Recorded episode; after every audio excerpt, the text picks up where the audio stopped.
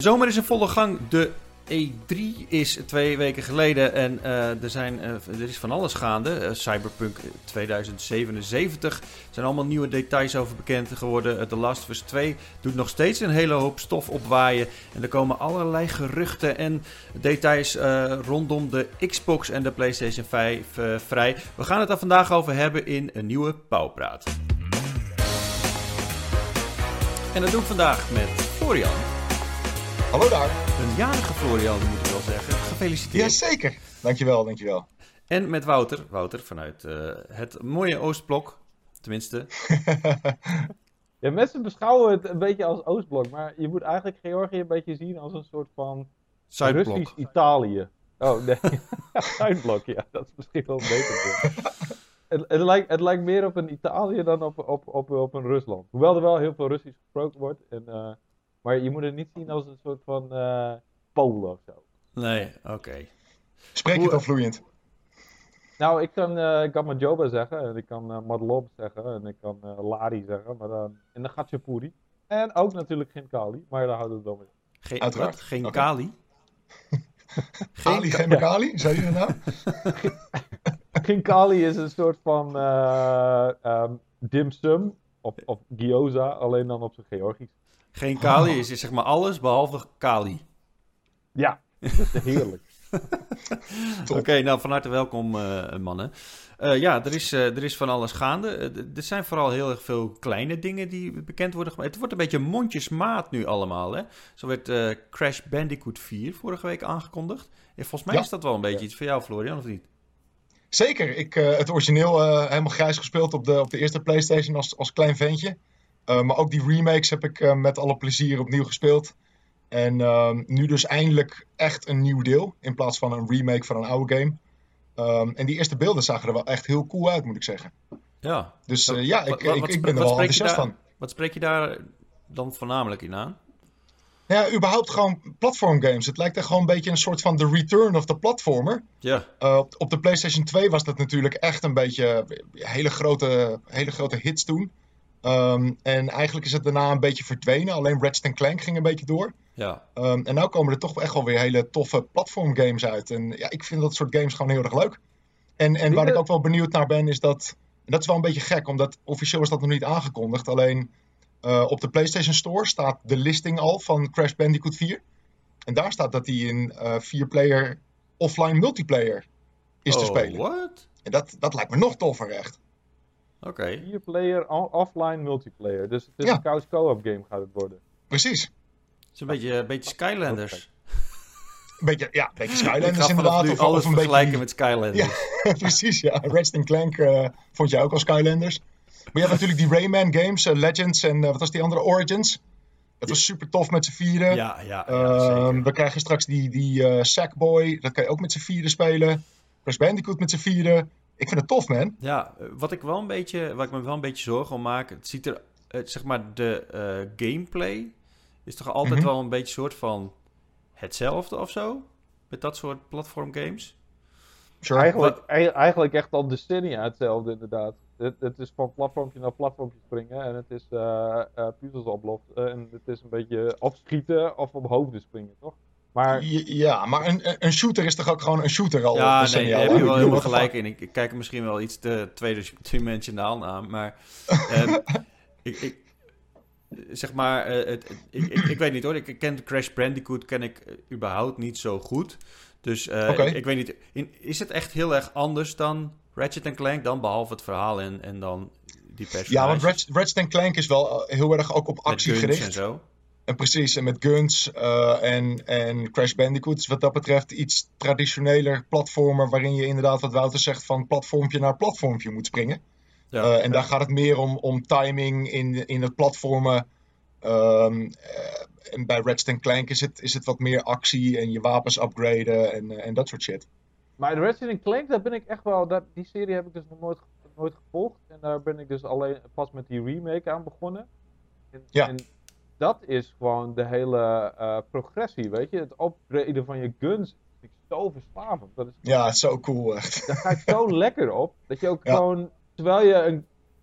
Dat vind ik de beste manier van upgraden en van levelen is gewoon dat je, als je je gun gebruikt, dan level je op. Ja. En dat, dat werkt voor mij zo lekker, dat je gewoon al die guns ook uit gaat proberen. Maar Crash Bandicoot is toch een beetje de moeilijkheidsgraad zo train, of niet? Ik bedoel, ik heb, uh, ik heb het eerste deel wel eens gespeeld met mijn neefjes. En op een gegeven moment wordt het echt, als die, al aan het begin, als die bal achter je aanrolt en je doet een soort van uh, Indiana Jones, dan wordt het al echt fucking moeilijk. Dat zat uiteindelijk ook in Uncharted 4. ja, klopt. Ja, ja. En dat is het enige moment dat ik met Crash Bandicoot heb gespeeld, zeg maar. En je, hebt echt nooit het origineel gespeeld ook? Nee, nee. Ik ben, uh, ik ben nooit de PlayStation-man geweest. Tot de PlayStation 4 ah. eigenlijk. Nou, einde van de PlayStation 3 heb ik natuurlijk ook nog wel... Uh, toen uh, met The Last of Us en... Mm -hmm. volgens mij kwam ik weet ook nog dat toen die Insane Trilogy uitkwam... Toen was er zo'n hele hype over van iedereen die hem had uitgespeeld... Die was dan wel heel erg het mannetje. Van, want als je die hele trilogy had uitgespeeld, dan had je wel... Ja, dan heb je skills hoor. Dan heb je skills, absoluut. Ja, toch? Of niet? Ja, ja, is, jou, is jou dat gelukt nog? Uh, ik heb ze wel allemaal uitgespeeld. Um, en toen wilde ik ook nog voor de Platinum gaan. En dat is echt fucking niet te doen gewoon. Dus uh, nee, dat, uh, dat heb ik opgegeven. Maar ik heb ze wel uitgespeeld uiteindelijk, ja. Dat wel. En dat heeft je is... wel een soort van gesprongen adertjes in je voorhoofd gekost? Ja, absoluut. Ja. Dat heeft me flink wat scheldwoorden gekost. Um, maar het, het, het, is inderdaad zo moeilijk, omdat ja, het zijn remakes van oude games. En oude games zijn al eenmaal gewoon lastiger dan de games van tegenwoordig. Ja. ja. Um, dus ik ben best wel benieuwd wat ze doen ook inderdaad met de moeilijkheidsgraad van deel 4. Uh, of ze dat echt een beetje oldschool laten. Of dat het toch een beetje makkelijker wordt om, om doorheen te gaan. Want uiteindelijk met de remake van Ratchet Clank, zeg maar dat hele upgrade systeem, dat zat nog niet in het origineel, of wel? Nee, dat zat niet in het origineel, maar het was niet de eerste game die dat gebruikte. Dus er waren wel andere Ratchet Clank games al die dat, dat, die dat idee hadden. Uh, Maar toen ze die remake maakten, inderdaad, hebben ze het een soort van, ja, ook dus in het eerste deel gedaan. Maar het is het dus uiteindelijk, uiteindelijk een beetje modern gemaakt. Zie je ook wat kansen voor uh, Crash Bandicoot 4 om het zeg maar wat op te moderniseren, ja. zeg maar?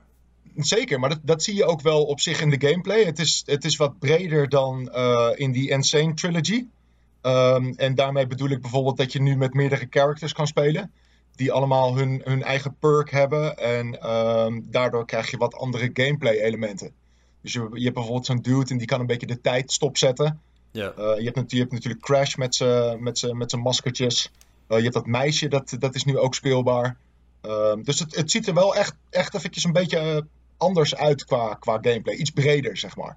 Maar het gaat niet open wereld worden of, of, of RPG Nee, nee, nee, nee, nee, zeker niet. Nee, het wordt wel echt gewoon leveltje, leveltje. Ja. Ja. ja. Maar als er een soort van skill tree of een upgrade systeem achter zit, zou, zou dat in die game passen, denk ik? Zoiets? Iets? Ja, misschien wel. Maar aan de andere kant, als je dat met meerdere spelers speelt, moet, moet dan iedereen gaan upgraden en zo. Ik weet niet of ze dat, of ze dat echt, echt zo ver doorgaan gaan bedenken. Ja, het zou kunnen dat was ook een ding van Ratchet Clank, uh, Clank die, die nuts en die balls die je verzamelt. En al die, die particles en die kleine dingetjes die overal wegrollen en uit ja, elkaar spatten. En dat je dan die allemaal zo op gaat pakken. Oh, dat deed ja, een soort van, dan krijg je een soort van flashback van, van Lego games. En Lego games heb je natuurlijk yep. studs. Ja. En die, die studs wil je ook allemaal pakken. En ik speelde dat altijd uh, met mijn ex. En uh, als die niet alle fucking studs wel pakte, dan, dan werd het geld gelaten. Dat is ook... ook ja. I'm adamant about my studs. waren ook uh, best uh, leuke games allemaal, die Lego games in, uh, in co-op. Ja. Ja, ik... ja. Goed mee vermaakt. Maar het is, het is eigenlijk nog niet aangekondigd voor de PlayStation 5, toch? Nee, het is echt gewoon een, een, een, deze generatie game uiteindelijk. Het komt, 2 oktober komt die uit voor de PlayStation 4 en de Xbox One. Um, ja. Dat is dan toch wel... Wordt... Ja, ik, ik, echt op het, het laatste nippertje, zeg maar, hè? Ja, en we weten natuurlijk wel dat Sony die heeft natuurlijk bekendgemaakt dat elke game uitkomt na, wat was het, half juli of zo. Die zijn sowieso speelbaar op PlayStation 5. Oké. Okay. Uh, dus via backward compatibility natuurlijk. Toch het is meer alleen... dan dat, hoop ik, of niet? ja, het is alleen inderdaad eventjes de vraag of ze er echt een patch overheen gooien, zodat die, uh, ja, ik weet niet, misschien een native 4K draait of zo, 60 frames, who knows. Dat zou inderdaad cool zijn. En ik, ik, ik denk ook wel, dat je, met, met zo'n game, wat ook eigenlijk, het is een beetje een soort van de semi-mascotte nog steeds van PlayStation. Het zou me niks verbazen als ze dat doen. Ja. En uh, Wouter, we, we, hebben het er helemaal niet over gehad nog, maar jij, bent, uh, jij zit midden in uh, Ghost of Tsushima. Mogen we ook niet veel, veel meer over zeggen dan dat, eigenlijk? nee. Nee, ik, ik, ik, ben, ik moet daar heel voorzichtig over zijn, want er is natuurlijk een, gewoon een embargo. En ja. ik mag vertellen vanaf deze week dat ik die game in mijn bezit heb. Eigenlijk mag ik dan weer iets van het menu laten zien of zo, net zoals bij The Last of Us Part 2. Um, um, maar voor de rest, het, het, embargo ligt op 14 juli. En dan mag ik, uh, een review, mag ik er alles over vertellen. Maar ik zit er middenin. En uh, ja, dat is het enige wat ik kan vertellen. ja, zo lastig, hè? ja. Het, en, het, en laat, ik, laat ik ook voor opstellen dat ik echt een heel groot feodaal Japan-fan ben. En dat ik, uh, mijn broer die was vroeger altijd fan van, uh, van Samurai en van Ninja. En die had Shogun gelezen. En van James Clavell, dat is dan een van de boek over. Het gaat eigenlijk over een Nederlander die, die uh, eigenlijk voor het eerst toegelaten werd in feodaal Japan, Japan in weet ik, de 15e eeuw of zo. Oh, is dat is dat, dat The Last Samurai verhaal? Met, met... Ja, eigenlijk komt het daar een beetje op neer. Ja. Ah, maar dat is dan een Engelsman daar. Maar... Ja, maar dat was eigenlijk een Nederlander. En volgens mij was dat de enige persoon ooit die zeg maar, toegelaten is tot de, orde van de samurai. En die überhaupt toegelaten werd tot de cultuur. Uh, en waarom dat... Ja, volgens mij in Shogun was er ook een. Maar anyway, dat is niet het verhaal in Ghost of Tsushima in ieder geval. Dat kan ik je wel vertellen, dat weten we ook al wel. Maar het komt in ieder geval neer dat ik zeg maar groot fan ben van die hele uh, cultuur. Dat, het is zo'n mooi land. Ik ben natuurlijk fan van Japan. En, en rondlopen op dat eiland kan ik wel vertellen dat dat gewoon voelt alsof je in Japan bent. Dat was ook de reden waarom ik bijvoorbeeld fan was van Shenmue. Voelde ook echt alsof je in Japan bent. Dit, datzelfde gevoel heb je hier ook wel. En misschien zeg ik daar al wel weer te veel mee. Ja. Nooit met die embargo. maar, en, en, en, je, en je speelt hem ook in het Japans, toch? Ja, ik heb hem ook in Japans gezet. je oh, ja, dat, dat was mijn volgende vraag inderdaad. Daar was ik wel benieuwd naar. Dat, uh... Cool. Ja, maar ik ben, weet je, het ding is wel, ik heb hem nou in Japans gezet. En, uh, Met Engels ondertiteling kan je dat wel doen, toch? Ja. Ja. Uh, het ding is wel dat ik af en toe worden er wel dingen niet ondertiteld. Dus soms mis ik dingen. Dus ik, en ik ben ook best wel benieuwd geworden naar de, naar de, uh, de Engelse stemmen nu. Eigenlijk heb ik nu alweer een beetje de neiging om hem terug te zetten. Maar moet, ah, oké. Okay. Ik, ik, ga daar zo heel lang over nadenken. En dan misschien op het einde of zo, dat ik het nog even op maar, En heb je, heb je die zwart-wit mode geprobeerd al? Uh, die nog niet geprobeerd, maar ja, de Kurosawa-mode. Dat is zeg maar, Kurosawa is zo'n uh, legendarische Japanse regisseur. Van de jaren 40 heeft hij er volgens mij de meeste films gemaakt. Uh, zoals Seven Samurai. Of nee. 12 Anyway, legendarische Japanse regisseur. En je kan hem dus inderdaad in, in, in zwart-wit doen. En dan heeft het ook een soort van grain, alsof het echt ja. een oude film is. Okay. Ja, dat stijltje uh, zag er wel echt heel tof uit, vond ik. Ik weet niet of je ja, echt de hele dus, game zo wil spelen, maar, maar zeker even switchen. Er is zoveel kleur in die, in, die, in die game dat het echt zonde is om hem daarop te zetten. Maar misschien als je hem inderdaad voor een tweede keer speelt. Ik weet nog dat bijvoorbeeld uh, Logan en, en Mad Max, dat waren twee, uh, Mad Max Fury Road, dat waren twee films die hebben ze ook uitgebracht in zwart-wit. Toen had ik echt zoiets van, ja... Why? Ja, inderdaad. ik snap dat dat een soort van charme heeft. En die films zijn ook allebei waarschijnlijk heel mooi in zwart-wit. Maar ik ben niet. Um, ik, ben, ik, ik hou toch best wel van kleur in mijn leven. Of zo. draag ik zwart nu, toevallig. Ook al heb je geen HDR-televisie. Bedoemd. Heb ik wel, Florian. In een ander land heb ik die. Oh ja, lekker ja, Waarom ga je daar ook zitten? Holy shit, ja. man. Okay. waarom... ik ben, even voor duidelijkheid, het was de bedoeling dat ik hier maar een maand zou zijn. Hoe, lang, hoe lang zit je daar inderdaad ondertussen nu? Uh, dit is alweer mijn vierde maand. Uh, die vanaf eind maart. Maar wat heb je nou eigenlijk gedaan dat je daar in de bak zit? En wat knap dat, ze, dat je zeg maar, deze privileges hebt gekregen. Dus nog powerpraat op kan nemen. Ik, ik zal ik het zo vertellen. Als je, uh, als je iets in Nederland doet wat zo erg is dat je in Georgië in de Tbilisi in de gevangenis moet, dan is dat wel. Dat zijn dat crimes against humanity. Ja. Yeah. Oh man. Oké, okay, nou goed. Nee, je bent er uiteindelijk toch gewoon voor de liefde, hè? Laat het romantisch houden. Laat, ja, laten we daar maar nee, Er waren wat vragen, dus ik denk van het is voor veel mensen niet duidelijk hoe en wat en waarom. Maar, uh...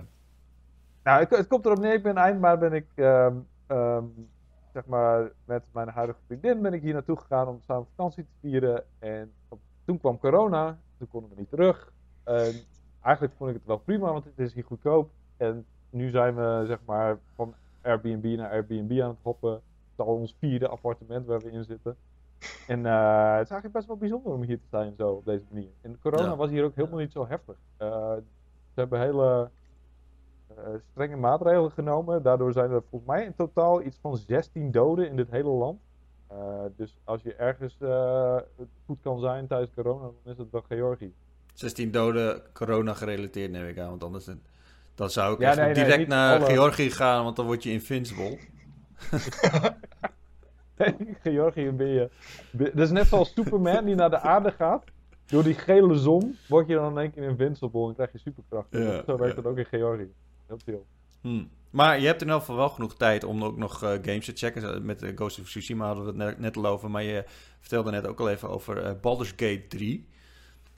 Yes. Je, oh, je, hebt, je hebt twee, twee uur gespeeld, zei je? Of gekeken? Nee, nee, nee. Ik heb, ik heb gewoon een, een, een stream gekeken. Eh, en ik, ik zou niet zo heel snel... Het is een soort van behind closed door stream dan, of niet? Ja, het, was trouwens, het, het, was tijdens een, D&D festival, een, een Dungeons and Dragons festival. En uh, Baldur's Gate is natuurlijk gebaseerd op de Dungeons and Dragons regels. en dat gaat is zelfs zo ver dat... Jullie kennen vast wel... Wacht, ik heb ze hier. Jullie kennen vast wel deze dobbelstenen. Ik zal ze even laten zien. Jullie zien het niet, maar goed, in ieder geval de mensen thuis wel. Nee, ik weet, weet wat, uh, wat het, het zijn inderdaad. Het zijn van die met heel veel kantjes. Ja, kantjes, dit is een D20. dit, dit is een D20. Uh, maar zeg maar, die serie is gewoon gebaseerd op D&D-regels. Dus de Welke? spells, de... D&D. maar welke dan? Af en toe, ja. Deze en deze. Dat en dat. Dat en dat regels. Deze en deze regels. D&D-regels. Um, en en dat, het betekent eigenlijk dat, dat ze alles zoals saving throws, de spells, uh, alle, alle regels die komen daar gewoon, um, die hebben ze gewoon rechtstreeks in die game gestopt. Daar hebben ze die hele serie op gebaseerd. En dat gaat zelfs zo ver dat ergens in Mass Effect, de Mass Effect serie, zitten ook nog steeds die D&D regels. Scholen achterin, uh, achterin al die, uh, dat gevechtssysteem. Het Dragon Age ehm, is toch ook een D&D uh, gebaseerd systeem, of niet? Ja, zeker. Zeker. Dragon Age is eigenlijk de soort van de spirituele opvolger van Baldur's Gate. Uh, BioWare heeft ooit Baldur's Gate 1 en 2 gemaakt. Um, en uh, Larian Studios, die mensen van uh, Divinity Original Sin, die hebben nu die serie overgenomen. En dat zijn Belgen.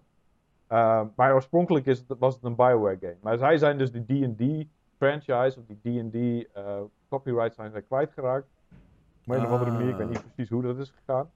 Uh, en, en, dus heeft Larian het overgenomen. Maar um, het is een hele, hele diepe, hele grote mega RPG. En het lijkt heel erg op Divinity Original Sin. Uh, Neverwinter Nights is ook zo'n zo soort titel. Um, en zeg maar, die twee uur durende stream die was voor mij zo fucking entertainend. Ehm, en het zijn eigenlijk alleen maar battles en exploratie die je ziet. En, maar je ziet allemaal herkenbare dingen, want ik speel natuurlijk ook D&D in real life. Ja. Uh, en dat wilde ik al heel erg lang, want eigenlijk ben ik een gamer geworden door Baldur's Gate. Dat was echt ja, een van de eerste games. Het heel erg aan bij wat je, wat je tof vindt. Wat, alles wat ik tof vind, ja. En die hele game heeft me zo verslingend gemaakt. Uh, ik heb het zelfs in, in Australië gespeeld. Ik was toen in Australië met mijn familie. En toen zaten we een tijdje in Melbourne bij familie van mij. En, en toen, zij hadden die game op de computer staan. En ik was, ik was gewoon gone voor weken. Ik was in Australië, maar ik was eigenlijk in, in de Forgotten Realms in de D&D-wereld. Uh, klinkt heel erg, want ja... Ga je naar Australië, dan zit je de... Ja. zit je gewoon ergens in een computer. Maar dat was echt het begin van, van mijn, zeg maar, eh, obsessie of mijn echte passie voor games. En, en daarom ben ik heel erg hyped dat het derde deel er nou aankomt. En ik ben ook heel erg hyped dat Larian het maakt, omdat zij Divinity Original Sin 2 is echt een hele, hele goede game. is eigenlijk een van de games die het meest in de buurt komt van Baldur's Gate op Dragon Age na. Ja. Uh, maar het ding is wel... Maar Baldur's Gate was, was echt meer een soort van uh, isometric view. Ja. En, uh, en Dragon Age, zoals we allemaal weten, is, is daar echt, uh, heeft echt een evolu evolu evolutie door, doorgemaakt, zeg maar. Wat, wat kunnen we verwachten van Dragon Age, van Baldur's Gate 3 dan? Ja, dat is dus het hele ding. Het gekke is dus, Dragon Age is eigenlijk een evolutie van Baldur's Gate. maar het is nog steeds, je kan het nog steeds de battles in isometric view doen. En dat is ook het meest overzichtelijk, want als je eigenlijk zit een soort van turn-based verborgen achter. Het is nog steeds een soort van turn-based game. Dus als je het, zeg maar, het beste overzicht wil hebben, dan kijk je gewoon in een isometric view. En die optie heb je ook in Dragon, ook in de laatste. Ehm, maar nu is eigenlijk Baldur's Gate is weer een beetje naar de kant van Dragon Age gegaan. Dus het is wat meer filmisch, de cutscenes zijn indrukwekkender, uh, er zijn, uh, je kunt ook zeg maar gewoon een third person spelen, net zoals je Dragon Age third person kan spelen. En uh, de isometric view is nu meer een soort van optie geworden in plaats van een, een must. Oké. In Baldur's Gate kon je niet anders spelen. Nu is het gewoon een, meer 3D-wereld geworden. Dus eigenlijk zijn Baldur's Gate en Dragon Age zijn nu meer samengekomen. En, en Baldur's Gate 3 gaat best wel veel, denk ik, lijken op Dragon Age 4. Ik denk dat die twee games best wel veel met elkaar gemeen gaan hebben. Uh, dus het, is, het zijn, er komen mooie tijden voor, voor, voor RPG-liefhebbers. Uh, en ook voor D&D-spelers. Echt, worden echt super grote, uitgebreide, spannende, uh, tactische games. Ik heb ja. heel veel zin in Baldur's Gate 3. Die staan torenhoog op mijn lijstje van meest, meest hoe heet dat? Geanticipeerde games. Ja. Most anticipated. Ja, kun je eigenlijk niet echt vertalen rechtstreeks, maar goed, we doen het gewoon. Hier in Powerpraat, niet voor het laatst. Hoppa. Um, hey, misschien, moet ik even, misschien moet ik even kijken of mijn uh, uh, video weer gestopt. Oh ja, goed. Oké, okay, ja. Ja, doen wij een wachtmuziekje. even een liftmuziekje. Nee, hij filmt nog steeds. Hey! Hij is nog steeds aan het filmen, dus, maar we zijn toch al wel langer dan een kwartier bezig. We zijn uh, 22 minuten bezig nu. Oké, okay, nou ja, dan, ja. dan, I don't know. Zal wel goed zijn dan, toch? Ja, nee, inderdaad.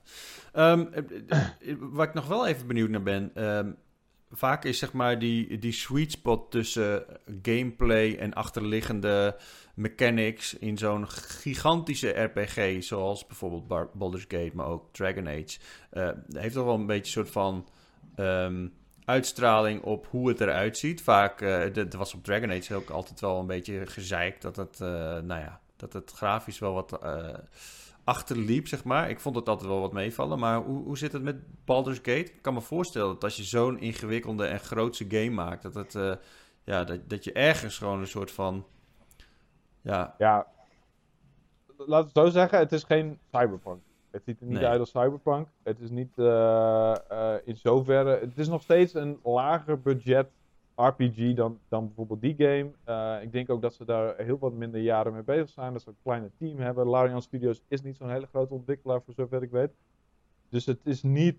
Uh, je moet nog steeds een soort van. een beetje je fantasie gebruiken om, om niet helemaal. Je suspension of disbelief moet iets hoger liggen, of lager.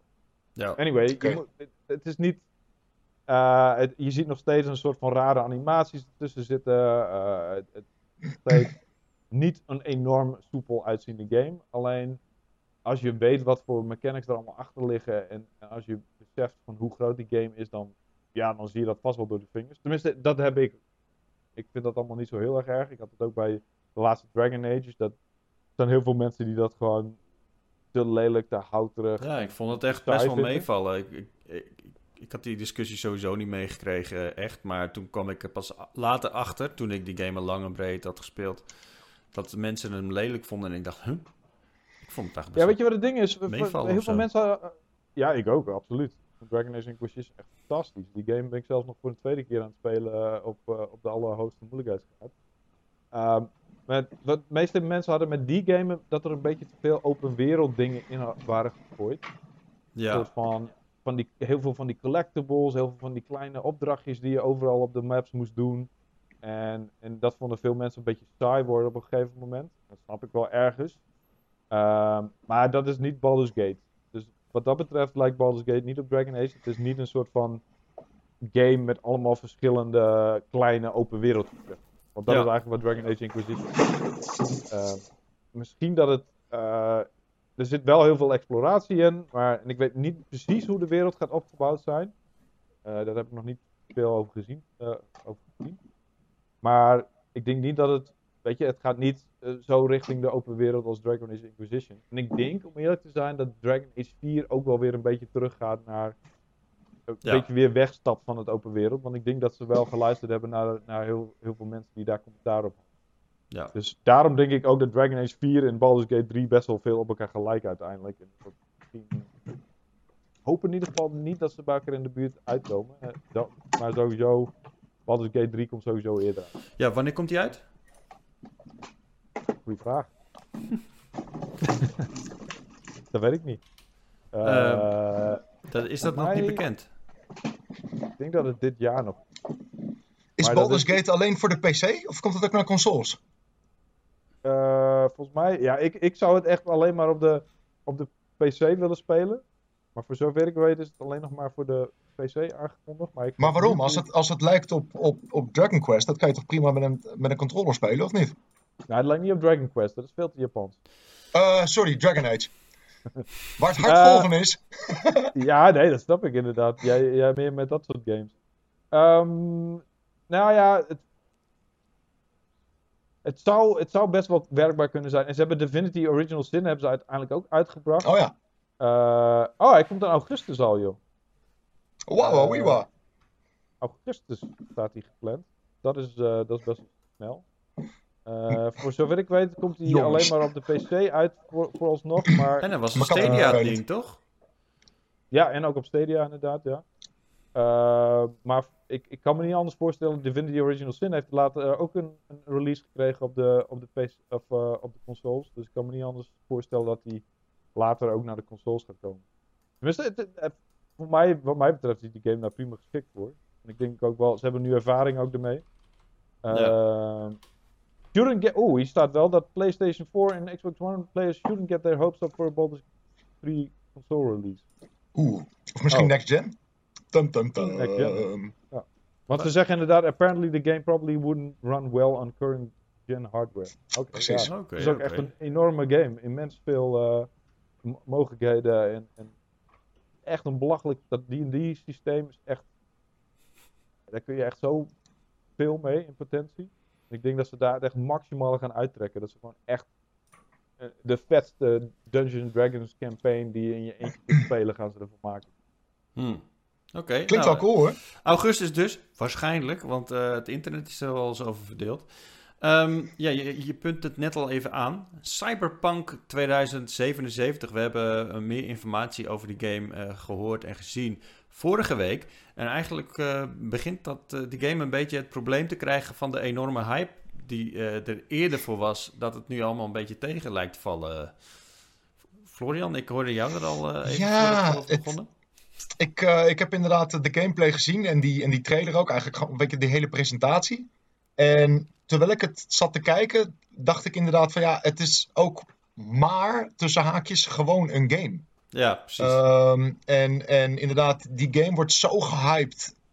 Uh, dat het echt een, een, een next-gen ervaring wordt. En um, toen zat ik die gameplay te kijken. En don't get me wrong, die game ziet er echt fantastisch uit.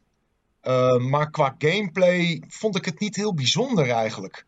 Uh, die setting is natuurlijk heel erg tof. Die stad ziet er waanzinnig uit. Um, maar qua gameplay werd ik er niet echt heel warm van, moet ik eerlijk bekennen.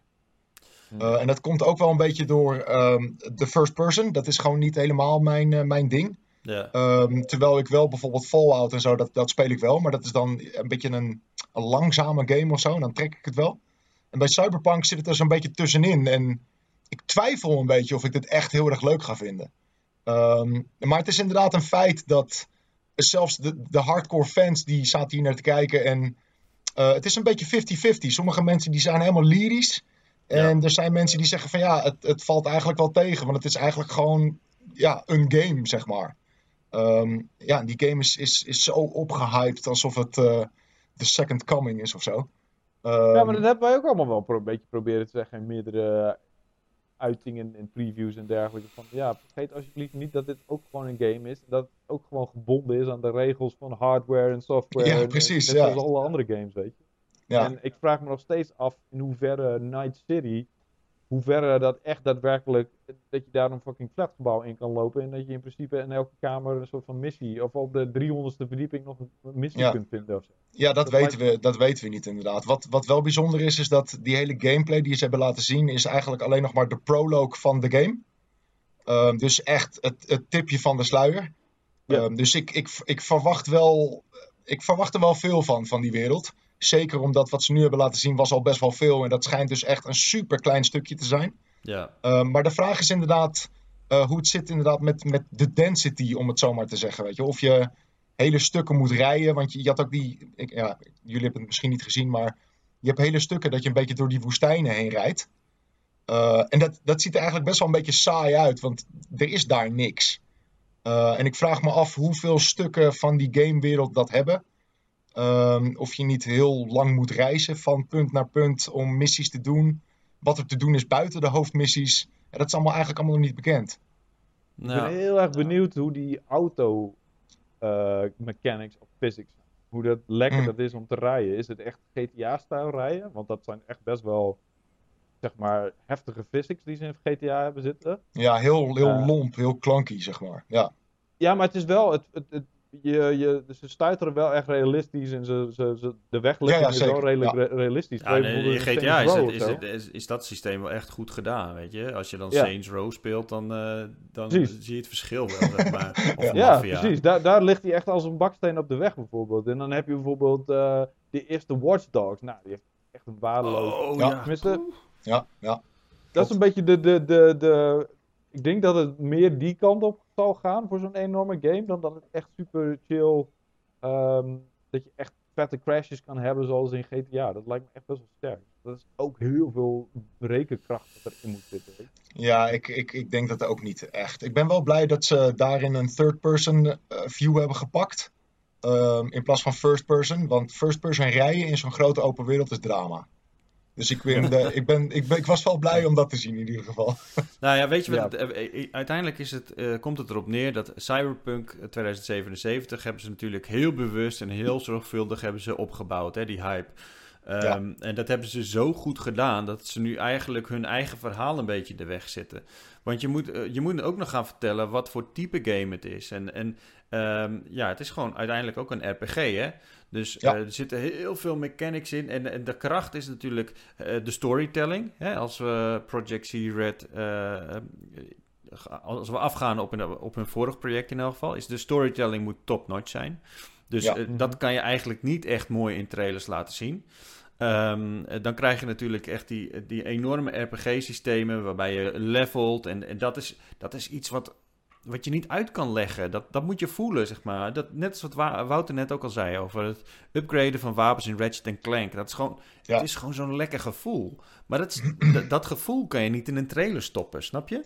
Dus, nee, dat is wel lastig inderdaad, ja. Ik, Denk, ik denk dat dat een beetje het hele, hele probleem is. Dat ze nu toch eigenlijk misschien zelfs nog wel een beetje... Ehm, proberen die immens hoge verwacht, verwachtingen... die eigenlijk een beetje too much waren om die nog een beetje down te playen. En echt mensen in hun hoofd te krijgen van oké, maar dit is wel echt een game uh, waar je...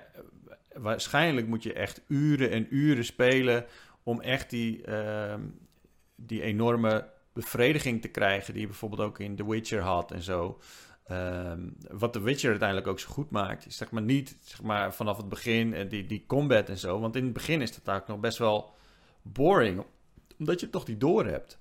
Weet je? Ja, ja ik vind eigenlijk dat die combat eigenlijk ook niet heel erg verandert door die hele game heen. Wat ik nog steeds een van de grootste nadelen vind van die game. iedereen heeft al duizend keer erom doodgeschoten. Dus ik... Ja, laten we daar nog even over Ik denk, ik ga er gewoon ja. overheen lullen. Maar meneer wilde er nog even een puntje van maken hoor. ja, eigenlijk wilde ik, wilde ik even de vergelijking maken met Baldur's Gate 3. Want in feite zitten er best wel, dat zijn er best wel vergelijkbare games. Alleen Cyberpunk heeft het enorm voordeel dat het er gewoon super spectaculair uitziet. Als jij een Baldur's Gate 3 battle gaat uh, bekijken, dan denk je, fuck.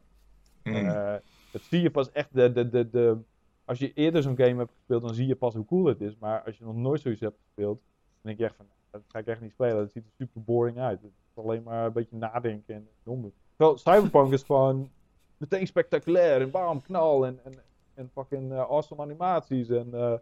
Ja. Uit first person ziet het er allemaal super strak uit. En de wapens zijn vet en, uh, en de powers die zijn spectaculair. En, maar achter dat hele uh, uiterlijk zit ook gewoon een systeem wat superveel op Baldur's Gate lijkt, superveel op Dragon Age. Deus Ex. Uh, ja, Deus Ex, ook iets heel erg vergelijkbaars. Ja. Dialogue trees, de manier waarop je in stealthy bezig kan zijn en guns blazing. Um, de, de skill trees die erachter zitten en Misschien zit er zelfs wel een soort van roll the dice systeem achter Cyberpunk, wat vergelijkbaar is met D&D.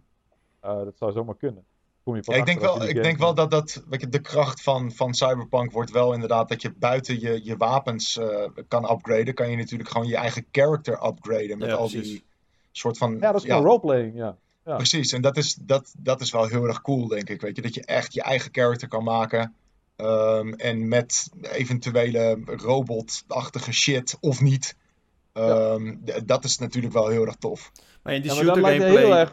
die we hebben gezien van, van Cyberpunk is natuurlijk ook, zie je gewoon overal die damage uh, cijfertjes omhoog vliegen, weet je. Dat, ja, dat is iets wat, uh, wat, wat nooit echt in, in, in first-person uh, games te zien was. Maar bijvoorbeeld Destiny heeft dat heel erg gewoon mainstream gemaakt eigenlijk. Dus het, het werkt.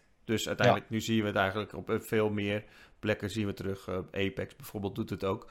Uh, maar uh, ja, dat maakt het wel interessant natuurlijk om te upgraden. Je ziet gewoon eigenlijk direct wat voor impact het heeft op je, op je damage output. Ja, ja. dat is echt een beetje dat Japanse RPG-tintje wat ze erin hebben gegooid. Hè. Ja, World of Warcraft had dat natuurlijk ook altijd gewoon. Dat je, ja, ja, natuurlijk. Wel, uh, Ma Maarten Blonk die ging altijd vet hard op, op, op zijn crit damage in, in fucking World of Warcraft. Ja, ik, ik had crit van 2100 laatst, joh. Ik ja, oké. Uh, ja, dat komt omdat ik die en die uh, power heb gecombineerd met die boog. En dat is uh, 2100, man. Heerlijk nerd, okay. echt fantastisch. 2100, heel goed, Maarten. Top. maar dat, ja, maar ik, ik bedoel, we hebben allemaal volgens mij wel eens games gespeeld waarin je allemaal upgrades krijgt. En zogenaamd gaat je damage daarvan omhoog en je damage daar. En als je dat niet in beeld ziet, of er geen echt direct bewijs voor hebt. Ik heb me wel eens afgevraagd van ja, ik heb nou wel deze upgrade, maar ben ik nou echt wel harder aan het schieten? Of ben ik nou echt wel hardere damage aan het doen? Hm. Als je er direct gevolg van ziet. Het is best wel chill. En je kan het ook gewoon uitzetten natuurlijk, als je niet van... Uh, ik vergat trouwens Borderlands.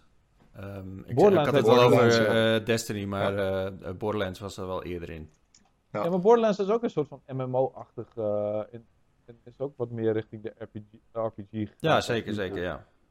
En dat, dat is best wel. Ja, die heeft, ik bedoel, ik ben niet heel erg fan van die serie, maar die heeft dat, die ontwikkeling wel een beetje aangewakkerd. En die heeft het wel in gang gezet. En uh, ja, nu is alles door richting een RPG aan het gaan. Ja, ja uiteindelijk inderdaad. Eh, ik, ik ben niet een heel groot Borderlands fan. Ik vind het, ik vind het leuke games. Um, maar ik, um, ik ben nooit zo van het verhaal volgen in shooters. Of het moet wel. Eh, en daarom vind ik Call of Duty wel fijn, want het is lekker on the nose. Maar zelfs in Call of Duty ben ik vaak. De, de, ja, ik weet niet. Ik zoon gewoon oud op het moment dat, het, dat er in één keer een verhaal uh, wordt verteld. ja, ja, dat snap ik. Dat, dat, ik vind dat. Uh, dat is ook heel erg lastig om, om je aandacht erbij te houden. Als je net aan het knallen bent en dan ga je gewoon. Je hele energy moet down. Ja. Om, een soort van een verhaal te volgen. En ik vind dat Halo dat altijd heel erg goed deed. Want die zorgde altijd een soort van dat, dat, dat je naar die cutscene toe werkte. Dus het was niet midden in de actie, maar het werd, werd altijd een beetje, de actie werd wat, wat trager en dan kwam er een cutscene. Ja. En het was ook nooit heel erg moeilijk te gebruiken, uh, begrijpen. Het was nooit heel erg... Want bijvoorbeeld in Call of Duty krijg je dan zo'n fucking nieuwsuitzending en allemaal informatie over verschillende landen en over fucking politieke toestanden. En ik echt ik weet nog wel dat ik, ik, ik weet nog wel dat ik Black Ops 3 reviewde. En dan is dan een review event. Dan zit je in Londen in een hotel en het is super chill. En je kan lekker die multiplayer spelen tegen allemaal van die noob journalisten. En het is allemaal vet. maar dan moet je dus dan, speel je dus ook de, de single player. En um, ik was er dus mee bezig. En, dat, en dan zit je op zo'n review event, dan zit je er ook best wel in. Maar natuurlijk heb je nog steeds een soort van die handicap van, van aandachtspannen. Uh, en ik probeer zo hard op te letten. Maar op een gegeven moment, ik denk, ik, ik ben gewoon echt de weg kwijt. Waar gaat dit over? En toen, uh, ja, je, je, je, voelt dan altijd toch wel een beetje lullig. Want dan denk je van, nou, het ligt aan mij, weet je. op een gegeven moment, toen had ik dus een interview uh, aan het einde van het event. Ik had een interview met de, de story director. Oh, en, uh, dus ik dacht van, oké, okay, uh, dus ik denk van, fuck it. Ik ga gewoon, eh, ik zeg van, nou, ik heb hem uitgespeeld. Maar waar ging het nou over? dat meen je niet. Ja, ik denk, ja, ik, ik denk van... En toen zei hij... Ja, ha, ha. En hij keek me aan en toen dacht ik... Fuck, je bent echt een asshole. Ik denk gewoon dat, dat het gewoon echt een slecht verteld verhaal is. En toen kwam ik pas later ook achter dat andere journalisten. Te, uh, je wil toch een beetje voorzichtig zijn. Je wil niet zeg maar in één keer die domme guy zijn. Bleek dat eigenlijk iedereen er gewoon niet echt, echt begreep wat er nou allemaal werd verteld. En het ging ook over tijdshit. En, en er zaten moeilijke dingen in en zo. Echt. Uh, een van de, de best vertelde verhalen in een, in een shooter is denk ik Titanfall 2. Dat is echt een fantastische singleplayer, mocht je die nog niet uh, hebben gespeeld. Ja, dat is echt heel cool. Ja, en dat is ook die, die, die um, zeg maar settings en die set pieces, om het zo maar te noemen. Die hadden ook gewoon, die, die, die verduidelijkten het verhaal. Ja. En ja. die speelden op elkaar in. En, en dat was, niet, dat was verre van random, zeg maar. Dat is ook heel erg belangrijk om ervoor te zorgen dat je het verhaal volgt. Ja. Als je zeg maar in een omgeving bent dat, dat, dat logisch is voor het verhaal. Uh, maar dat is heel, heel moeilijk, en vooral in shooters, om, om natuurlijk een narrative te maken. En daar is nu ook een heel erg discussie over. Uh, er is ook een benaming voor. Ik ben even de benaming kwijt, maar zeg maar. Slecht verhaal. Met, nee, iets met luden, wat spelen betekent, en narr uh, een narrative. Dus ludo, ludo narrative heet het of zo. Ludo Sanders. Uh, God, god, god. jongen, jongen. Nee, uh, ik weet dat je... Ludo Narrative Dissonance. Ja, Ludo Narrative Is the conflict dus between the, the, video game's narrative told through the story and the narrative told through the gameplay. Ah, oké, okay, Exactly. Dankjewel voor het googlen. Ik moet dat niet doen, want dan gaat mijn framerate naar beneden. Uh, maar um, het, het, komt erop neer dat nu met The Last of Us Part 2 zijn heel veel mensen van mening dat die samenhang niet goed is. Terwijl ik dat juist briljant vind, ook in deel 1. Um, en dat, dat eigenlijk dat je te veel met het verhaal bezig bent en dat de gameplay daarom niet in verhouding staat ja. met het verhaal. Uh, en dat het ook niet goed op elkaar samenspeelt. Ik vind juist dat die serie dat fucking goed doet. Maar ik snap ergens wel dat mensen het, het, het idee hebben dat het verhaal of veel beter is dan de gameplay, of Um, dat zij het verhaal super kut vinden en de gameplay nog wel oké. Okay, want het, we weten dat de meningen over The Last of Us Part 2 enorm uiteen uh, lopen. Ja. ja. Maar ik vind juist de, de Ludo narrative... Dissonance? something, something. Dissonance van, van The Last of Us Part 2 geniaal. En er zijn maar weinig games die dat kunnen evenaren. Ik hoop dat Ghost Ik denk niet dat je dat zo kan gebruiken trouwens, de Ludo Narrative Dissonance, dat dat goed is in de laatste. Ik denk juist dat het een ja. een soort van uh, aangeeft wat het, zeg maar, de... Ja, dissonantie is het. Dus het is de samenhang tussen de twee. Uh, en, en, als de dissonantie hoog is, I guess, dan is er weinig samenhang. En als die laag is, dan... I don't know. Hoe dan ook. Het komt erop neer dat... Goeie info dit. Fantastisch. het komt er neer, op neer dat het lastig is om, om die balans te houden. En het is lastig ja. om die combinatie goed te maken. En er zijn maar weinig games die dat echt goed doen. En daarom zijn er ook bijvoorbeeld mensen zoals Samuel die gewoon. Oh, wacht, ik, ik moet even mijn. Wacht even hoor, ik ben even, dit is weer even pauze. Liftmuziekje. Ja, Oké, okay, daar gaat hij weer. Daarom zijn er ook mensen zoals Samuel die liever gewoon het een of het ander hebben. Dus gewoon hele goede gameplay en fuck het verhaal. Of gewoon een goed verhaal en dan gaat hij wel een film kijken. Ik snap dat, maar ja. dat komt omdat die samenhang moeilijk te, te doen is. En ik hoop dat. Uh, Misschien is dat gewoon een soort van. Dat, dat bepaalde mensen dat gewoon lastiger kunnen. Um, gewoon minder regist kunnen registreren, zeg maar. Dus ik, dat kan ja, maar ik heb dat ook regelmatig. Ik heb regelmatig dat ik outzone in een. Uh, Oké, okay, nou gaat hij weer uit, dus ik denk dat mijn kaartje vol is. We moeten het nou okay. maar verder doen. Anyway. Uh, ik denk dat. Ik, ik, ik, We gaan van de kaart. Zone ook. ik ben een beetje van ik zoon ook regelmatig uit in, in, in, tijdens een cutscene van een game als het gewoon te ingewikkeld wordt of er worden te veel namen genoemd of, of ja. te, te, veel begrippen. Uh, het is heel makkelijk om zeg maar gewoon de draad kwijt te raken. Makkelijker dan in een film of in een serie. Zeker, zeker. Ja, ik denk, ik denk ook niet dat het per definitie ons, uh, onze schuld is. Maar meer, uh, ja, je moet daar gewoon heel erg goed bij stilstaan, denk ik, als ontwikkelaar van een game. Um, Laten we even, even, even verder gaan, want uh, uh, we hebben nu al heel lang geluld. En uh, we moeten nog even over de Lockhart hebben, Florian. De next-gen console. Er, was nou, een tijdje geleden eh, was er helemaal sprake van de Anaconda en de Lockhart. Of de. Ja. Wat was er nog meer? Ze hebben allemaal verschillende na de naam in elk geval, de nieuwe Xboxen. En er ja, zouden allemaal, dus. Allemaal er zijn dus geruchten dat er alsnog... Uh, je hebt de Xbox Series X, maar dat er ook nog een Xbox Series S uit zou komen. Toch? Ja, dat, uh, dat, dat, daar lijkt het in ieder geval wel. Er zijn echt al maanden geruchten dat Microsoft inderdaad naast die Series X uh, nog een andere console wil uitbrengen. En die noemen we voor het gemak even Series S. Het feit dat die console Series X heet, verklapt eigenlijk al een beetje dat er misschien nog wel een andere console aan zou komen. Uh, maar er zijn nu echt wat, wat meer dingetjes uitgelekt. Uh, waaronder die gasten van Digital Foundry, die zeggen nu dat die echt in augustus aangekondigd wordt door Microsoft. Okay. En het idee is een beetje dat Microsoft een soort van next-gen console wil aanbieden, waar alle nieuwe games allemaal speelbaar op zijn. maar dan voor een zacht prijsje. Ja. En wat ze eigenlijk willen gaan doen is in grote lijnen dezelfde architectuur van de hardware gebruiken. Die Series X ook gebruikt, maar dan flink naar beneden geschroefd. Uh, zodat je bijvoorbeeld um, games niet in 4K 60 speelt, maar bijvoorbeeld in Full HD 60. Ik noem maar wat. Ja. Um, en de laatste geruchten zijn, die onderstrepen dat ook een beetje, omdat de laatste geruchten die zeggen dat de CPU, dus de processor, in Series X en in Series S exact hetzelfde is. En dat is ook nodig om soort van dezelfde soort games af te kunnen spelen. Ja. En het enige wat ze naar beneden halen is dus de GPU, dus de videokaart. Ja. En het RAM-geheugen.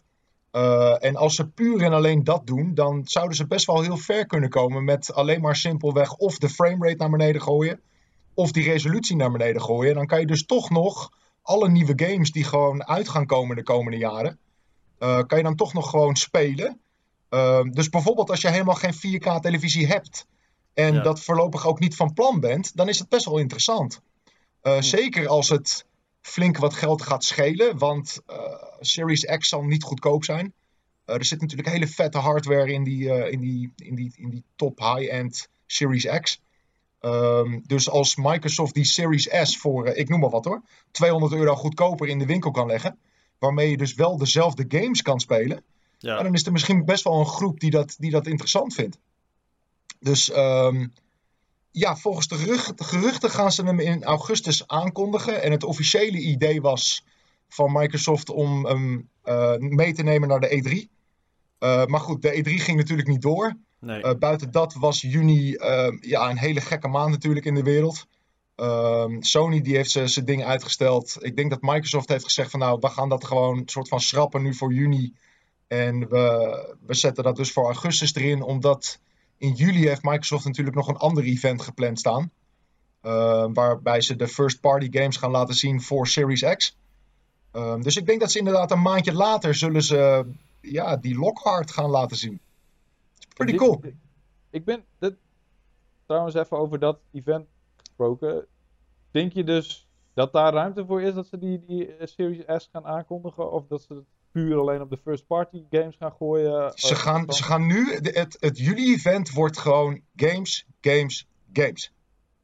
Oké. En, en, en, dat... en, ze moeten ook wel, want ze moeten echt eventjes tegengas gaan geven, zeg maar, tegenover de andere partij. Maar waarom zouden ze het niet gewoon in één keer doen? Net als wat de PlayStation 5 heeft gedaan. Ja, maar dat games, vind ik dus games, ook raar. En nog een keer die console erachteraan als uitsmijter en, en toetje, weet je. Dus dan, dan, dan heb je meteen het gevoel dat je, uh, als je kijkt, dat je dus extreem veel waarde voor de tijd die je erin hebt gestoken hebt gekregen. Omdat je allemaal nieuwe games hebt gekregen. En je krijgt ook nog eens een keer iets nieuws te zien wat je nog nooit eerder had gezien. Dus ik denk dat het, dat ook wel echt voor de PlayStation 5 presentatie echt een... Uh, echt een, heel veel mensen het gevoel gaf van... Wauw, ze hebben echt een toppresentatie uh, gegeven. Zeker, maar, maar toen heeft Sony natuurlijk gewoon de PlayStation 5 laten zien. Dat is een beetje hetzelfde als dat Microsoft nu de Xbox Series X zou laten zien. Weet je? En dat klinkt logisch. Maar ga je nu 4K uh, 60 games laten zien, of misschien zelfs 120, want Forza gaat bijvoorbeeld 120 frames ondersteunen.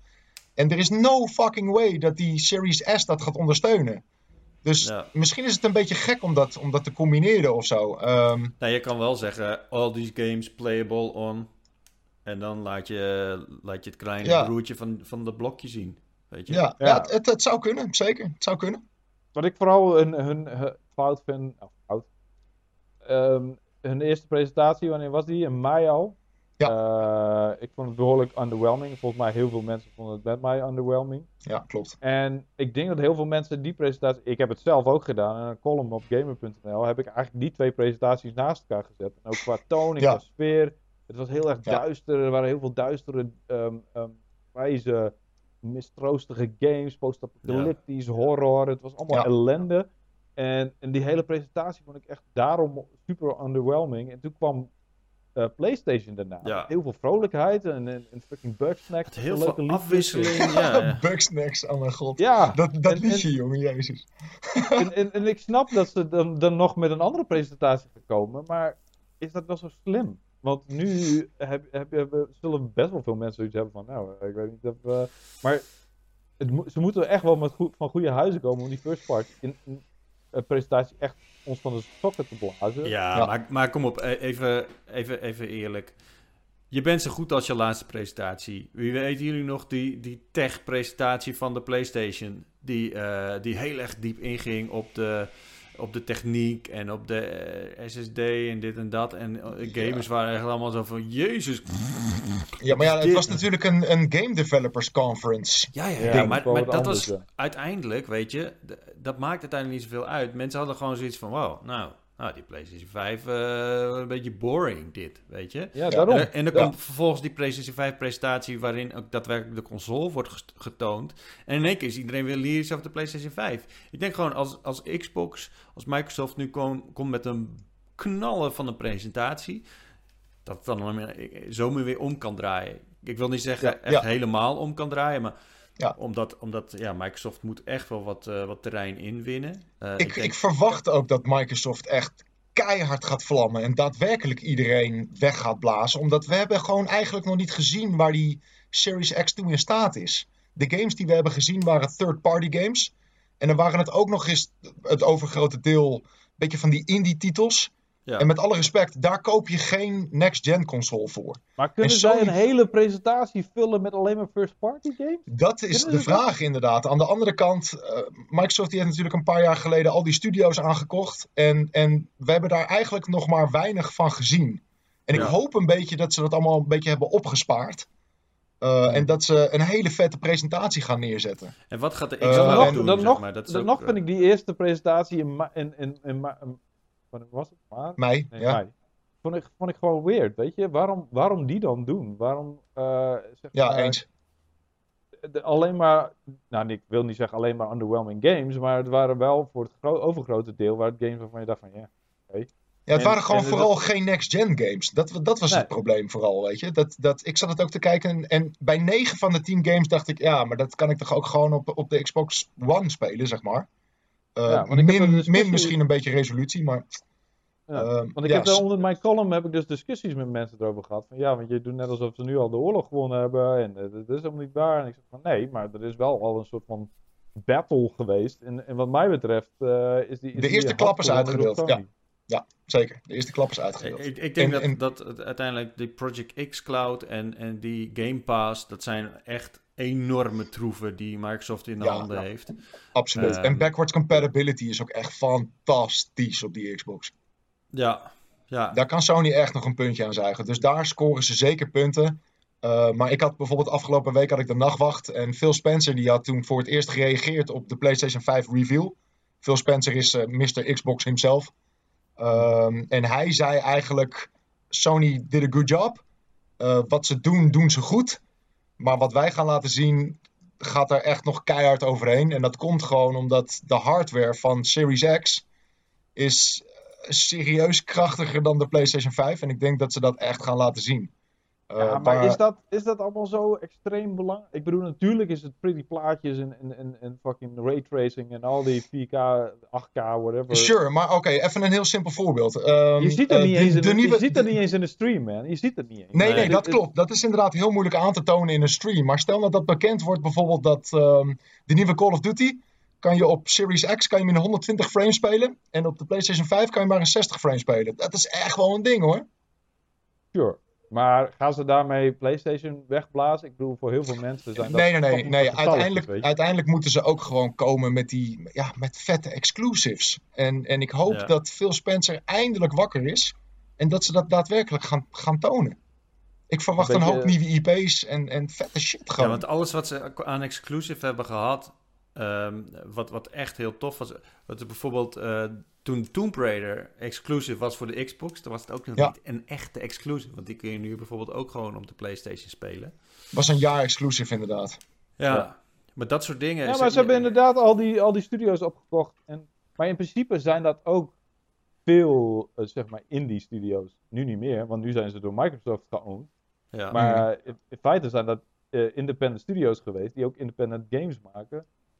Gaan die in één keer AAA-games maken? Nou, ik denk dat Microsoft daar wel een, uh, een flinke duit uh, voor in het zakje doet. Om, uh, om die studio's te ondersteunen. Om daadwerkelijk inderdaad echte vette AAA-games te, te maken. Waarom niet? Maar, ja, ik, ik, ik bedoel, koop je al die studio's voor, voor, voor indie-titels? Dat geloof ik niet, man.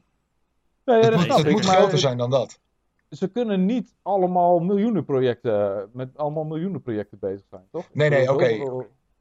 En een AAA-game is eigenlijk dat. Het is een miljoenenproject. Het is een game waar, waar uh, wat, 10 tot 100 tot 200 miljoen uh, ja, dollar in gaat, weet je. Ja. Um, ik, ik denk niet dat al die India-studio's überhaupt die verantwoordelijkheid aankunnen van zoveel geld. En überhaupt weten wat ze ermee aan moeten. Nou ja, goed. Ik denk ook niet dat ze zoveel geld hebben, weet je. Maar ik ben echt fucking benieuwd. Want ik, ik heb me nog niet goed bij stilgestaan dat uh, Microsoft gewoon echt nog met een een, een, een, presentatie moet komen. En ik vind nog steeds dat ze er te laat mee komen. En dat ze die eerste eigenlijk niet hadden moeten doen of zo.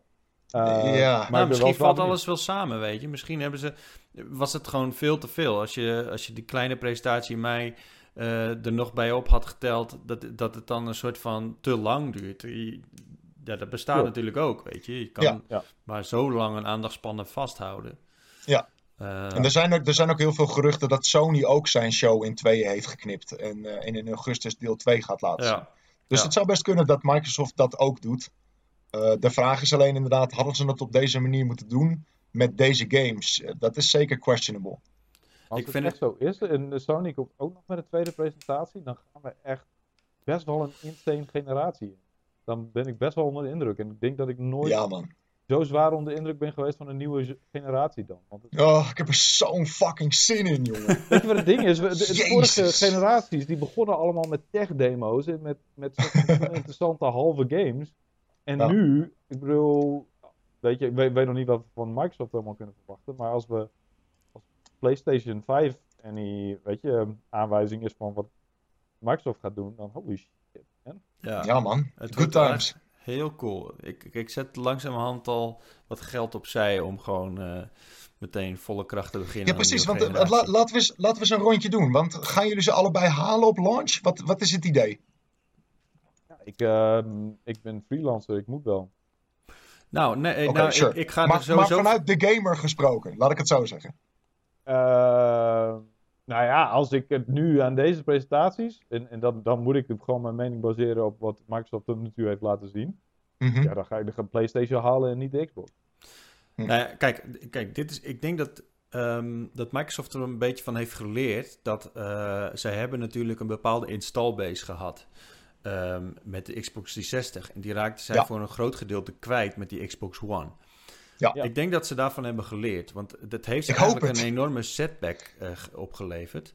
En ik denk dat mm -hmm. daar juist die hele Game Pass Ultimate, die uh, Project X Cloud, dat dat juist dat gat op kan vullen.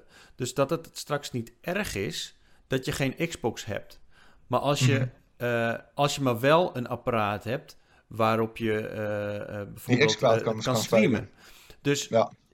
ik ga er in elk geval vanuit dat ik een PlayStation 5 moet gaan kopen straks. Mm -hmm. Maar ik ben er nog niet zo zeker van dat ik een Xbox Series X moet gaan kopen. Ik denk namelijk Precies, dat het helemaal niet zo hoeft. Ja dat, ja, dat ligt inderdaad heel erg aan wat ze gaan laten zien nu. Ik heb het ook hoor. Ik bedoel, mijn inner nerd die schreeuwt natuurlijk hebben, hebben, hebben. Uh, maar als ik er een beetje objectief naar kijk, dan denk ik eigenlijk... Ik heb nog niet echt iets gezien voor de Xbox waarvan ik denk... Wauw, daarvoor ren ik in mijn blote reet naar de winkel, moet hebben. Ja, maar uh, ik, ik denk ook niet dat uh, maar dat hebben ze toch eigenlijk over de afgelopen jaren toch continu verteld. Maakt mm -hmm. ons niet zoveel uit of je daadwerkelijk onze console hebt. Als je onze ja. games maar speelt en als je onze service ja. maar afneemt. Ik denk dat dat ja. gewoon de hele strategie wordt. En natuurlijk zijn voor, voor de mensen die, die een apparaat. Laten we even eerlijk zijn, Florian, jij gaat sowieso in je blote reet naar de winkel rennen om een Xbox Series Waarschijnlijk, waarschijnlijk. Er zijn altijd mensen die daadwerkelijk dat apparaat onder de tv willen hebben staan. Of naast de tv of boven de tv. Of hangend aan een touwtje voor het raam, weet ik veel. Precies. Maar voor mij hoeft dat niet per se. Als ik die games maar kan spelen. En als ik dat kan doen zonder die console te hebben, fijn, weet je. Dan, dan betaal ik echt met alle liefde die servicekosten van, eh, van de, de Game Pass Ultimate. Geen punt. Je moet er alleen wel nou rekening mee houden dat, dat xCloud voorlopig op um, Xbox One X hardware draait. En volgens de geruchten gaan ze dat switchen eerst naar Xbox Series S, dus die Lockhart. En pas daarna naar Series X gaan. Dus het zou best nog wel eens even kunnen duren voordat we die kwaliteit gaming via streaming binnen gaan krijgen. Dat je dus toch wel die Series X moet gaan halen als je het maximale eruit wil halen. Maar, serieus, ik heb nu ik heb xCloud nu op mijn telefoon. Dus ja, het werkt fantastisch. Hè? Het, het werkt gewoon goed. Ja. Um, ik, ik Zoveel van beter dan Stadia bijvoorbeeld. Ik baal ervan dat het een beta is. Want ik wil gewoon dolgraag met, met zo'n uh, zo'n kastje aan mijn tv hangen. En dat ik het nu gewoon allemaal op mijn tv kan doen. Dan, dan kan die Xbox One eindelijk met pensioen. Uh, want het, is, het besturingssysteem is zo dramatisch. En het is, ik heb nog zeg maar, de, de allereerste, zeg maar. Dus uh, ik ben daar wel klaar mee. Maar ik wil die games nog wel. Ik wil, wil, nog wel Ori en The Will of the Wisp spelen. Ik wil nog wel uh, ja. Forza Horizon spelen. Het zijn gewoon fantastische games. Dus, yep. en ik wil zo wil ik ook Halo Infinite spelen. En, en, en die nieuwe, hoe heet die, die met die psychological chick, zeg maar. Die, Hell, uh, Hellblade? Hellblade, inderdaad. Hellblade. ook oh, zien. Die, psychological chick, die met iets, dat vind ik een mooi titel. Die met die psychological Zoals een soort van Friends aflevering, alleen dan. The one with the psychological chick. nice. Ja, goed. Maar ik wil ze wel spelen. En, en ik hoop dat het, uh, dat het straks gewoon mogelijk is met een abonnement en een. Uh, en, ja. gewoon iets wat je op je tv aan kan sluiten. Of dat nou een, eh, een, een Apple TV is, of hoe heet het, uh, die, die Android. Oh, ik ben zo slecht in namen, jongen. Die ja, Nvidia Shield. Dat is, dat is de leeftijd shit, dat is allemaal prima. En, uh, dat, dat, dat geeft allemaal niet. Maar jouw lange antwoord komt eigenlijk op hetzelfde neer. We hebben meer redenen nu om de PlayStation 5 te kopen dan de, de Xbox Series X of de Xbox Series S. En dat, ik zei het vrij lomp, maar het komt er gewoon neer op dat Microsoft meer een soort van overkoepelend serviceplan in gedachten heeft. En dat uh, uh, PlayStation gewoon hard op de titels aan het knallen is. Ja, en voor mij, ik ben, ik ben niet een, een, soft, een hardware dude. En voor mij is het gewoon simpel. Als ik mooie plaatjes zie, dan wil ik dat spelen. Ja. En, uh, en, als we het over een of andere service hebben en dergelijke, met een beetje donkere plaatjes en over teraflops en al die fucking onzin, dan denk ik, eh. En ik was altijd een enorme Xbox 360 uh, fan. Ja. En het kwam gewoon omdat dat de, het platform was waar je het beste ook de, de, de multiplatform games op ja, ja, ja, En die had de beste first party games. Dat was gewoon zo. En het werkte het snelst. En het had het makkelijkste besturingssysteem. En het had uh, Xbox Live waar het beste werkte. En toen ging dat helemaal anders met de PlayStation 4. En het duurde lang voordat ik daar overheen was, man. Het duurde lang voordat ik mezelf... uh, dat, ik, dat ik besefte en, en echt concludeerde van... Nou, PlayStation 4 is gewoon beter. Ik bedoel, ik, moest, ik moet als... In mijn baan moet ik ook mensen stellen ze mij ook vragen erover. En dan moest ik altijd gewoon eerlijk zeggen van ja, de PlayStation 4 kan ik gewoon veel makkelijker aanraden. Uh, En dus ben ik nu geneigd om ook naar de PlayStation 5 te kijken. Maar dat komt ook door, door de mooie plaatjes die ik zie. Ja. Zeker. Zeker, ja. Maar inderdaad, wat je ook net zegt, je moet eerst nog maar afwachten of het daadwerkelijk het vertrouwen wat uh, Sony heeft opgebouwd met de PlayStation 4, of dat daadwerkelijk ook toe te passen is op die PlayStation 5. En, en ja, ja, daar, Moet, daar, gaat denk ik even wat tijd overheen voordat we dat werkelijk weten of alles uh, zo soepel en, uh, en top loopt als, uh, als het nu doen vermoeden met die presentaties. Ja. ja. Het, is weer een nieuwe, het is weer in ieder geval een spannende console wars best wel eigenlijk. Ja. En dat vind ik wel leuk. Zeker. en, en Microsoft heeft gewoon iets te bewijzen. Ik bedoel, we kunnen het er allemaal over eens zijn dat eigenlijk de hele Xbox One generatie is gewoon een beetje geweest. Ja, zelfs Nintendo heeft dat gehad, weet je. Ik bedoel, het kan gebeuren. Ja, ja, sure. Maar dus hoop ik, ik moest ook direct aan de Wii denken. ja, de, en de Wii U. De, Wii, de, de Wii U was echt gewoon een hele generatie. Nou, het was niet echt een generatie, want het duurde maar wat, vier, vijf jaar of zo. Dat was heel kort, ja. ja. Nou ja, goed, kijk, ik, ik, ik, wil niet de Wii een flop noemen, hè, even om duidelijk te zijn. Maar, zeg nee, maar, de voor, Wii was geen flop. Voor de, de Wii U was een flop. De gamers, tussen aanhalingstekens, was dat wel een beetje een flop, de Wii. Uh, want ja, het was ja. gewoon... Uh, het liep zo ver achter qua grafisch uh, en, en, en, games... Wat, wat, wat we eigenlijk gewend waren van, van games in die periode. Dat het ja, gewoon... Het was heel familie georiënteerd. Het ja. was gewoon een leuk hebbeningetje. Dat, dat, dat zette je onder je televisie en dan verstofte dat binnen een jaar. Ja. Uh, en toen probeerden ze dat weer een beetje goed te maken met de Wii U. Weer meer hardcore te gaan. Maar dat was ook weer een rare, een rare apparaat waar mensen half niet wisten wat ze ermee moesten doen. En ja. nu zijn ze weer vet hard terug met de Switch. Dus het kan gek ja. lopen. En ik hoop eigenlijk ook een ik beetje... Ik hoop dat Microsoft dat ook gaat flikken. Gewoon. Ja, zeker. Echt. Dat Microsoft dat zo hard terugkomt. Dat zelfs Sony zegt uh, in, in Japan van uh, holy fuck echt. Ja, ja, ja dat, dat, dat zou fantastisch zijn. Ja. Nou goed. Wat zou het vet zijn als er in één keer een handheld komt van de Xbox? Nee man. Met die X-Cloud. Ja, dat je die ja, erbij oh. krijgt. Met de X-Cloud, dat, ja. je, dat, je, dat je een nieuwe controller mee kan nemen en er zit er gewoon een, uh, een schermpje op. Ja, of, of, ja, eigenlijk een Wii U van Microsoft. Alleen dan kun je die ook gewoon meenemen. Jullie, dus eigenlijk willen jullie gewoon controllers van 200 euro per stuk. Top. nee, maar, ik, ik, maar hoe vet zou... Weet je, het is wel echt uniek, weet je. Je kan op je telefoon nu al die, die Xbox games spelen. Um, maar, Steve, maar wat de Switch heeft, is natuurlijk wel echt ideaal. Dus als je, zeg maar, de games van, uh, die op de Xbox kan spelen uh, ook mee kan nemen, dat zou wel heel tof zijn. Ja, maar dat, dat kan je toch ook gewoon? Ja, dat kan je, dus je hebt nu, toch gewoon die smartphone inderdaad. in je telefoon? Ja. Of in je, in je zak? Ja. Ja. Dus. Maar het is toch wat anders dan dat je zelf een, uh, een controller op je telefoon moet aan gaan sluiten. En, ja, oké. Okay. Of dan dat je gewoon een, een vet ding hebt wat je makkelijk mee kan nemen. Mhm. Maar goed, we, laten, we, we, we emmeren nu. We hadden van tevoren zoiets van. Nou ja, er zijn natuurlijk wel wat dingen om over te praten, maar trek die next gen blik uh, maar eens een keertje open en we zitten meteen weer heel erg lang te lullen. Um, ja. Mooie tijden. Het was in elk geval uh, super leuk om weer even met, met jullie bij te kletsen, heren. Um, dank jullie wel voor het, uh, voor het inloggen. En Florian hebt nog een hele fijne verjaardag. Hè? Dank u, dank u, dank u. Ik ga lekker aan de taart en het bier. Hoppa. Oh, taart en taart bier. En Wat een ja, perfecte combinatie. Dat is een heerlijke combinatie, mensen. en, en, jij, Wouter, ook uh, bedankt voor je, voor je deelname. An, an ik ga weer verder Coast of Tsushima spelen. Oh, ik ben wel, wel een beetje jaloers, moet ik zeggen. Dat, dat mag. Dat. Um, en voor de mensen die hebben gekeken en hebben geluisterd en het helemaal tot het einde hebben gehaald, gefeliciteerd. Je bent een echte praat-luisteraar. Chapeau. Ja, de. Um, een echte baklap, ja. Ja, abonneer je even op ons kanaal en uh, uh, geef ons een likeje waar het kan. En, en, dan zien we jullie over twee weken weer. En dan is Wouter er hopelijk ook weer. Dan gaan we het eens een keer hebben over Ghost of Tsushima. Of dat, dat daadwerkelijk een goede game is of niet. Um, ik, ik, ik, hoor een beetje uit zijn woorden dat het in elk geval niet een enorme tegenvaller is. Dat, dat scheelt weer. Um, tot over twee weken dan, hè? Doei. Doei.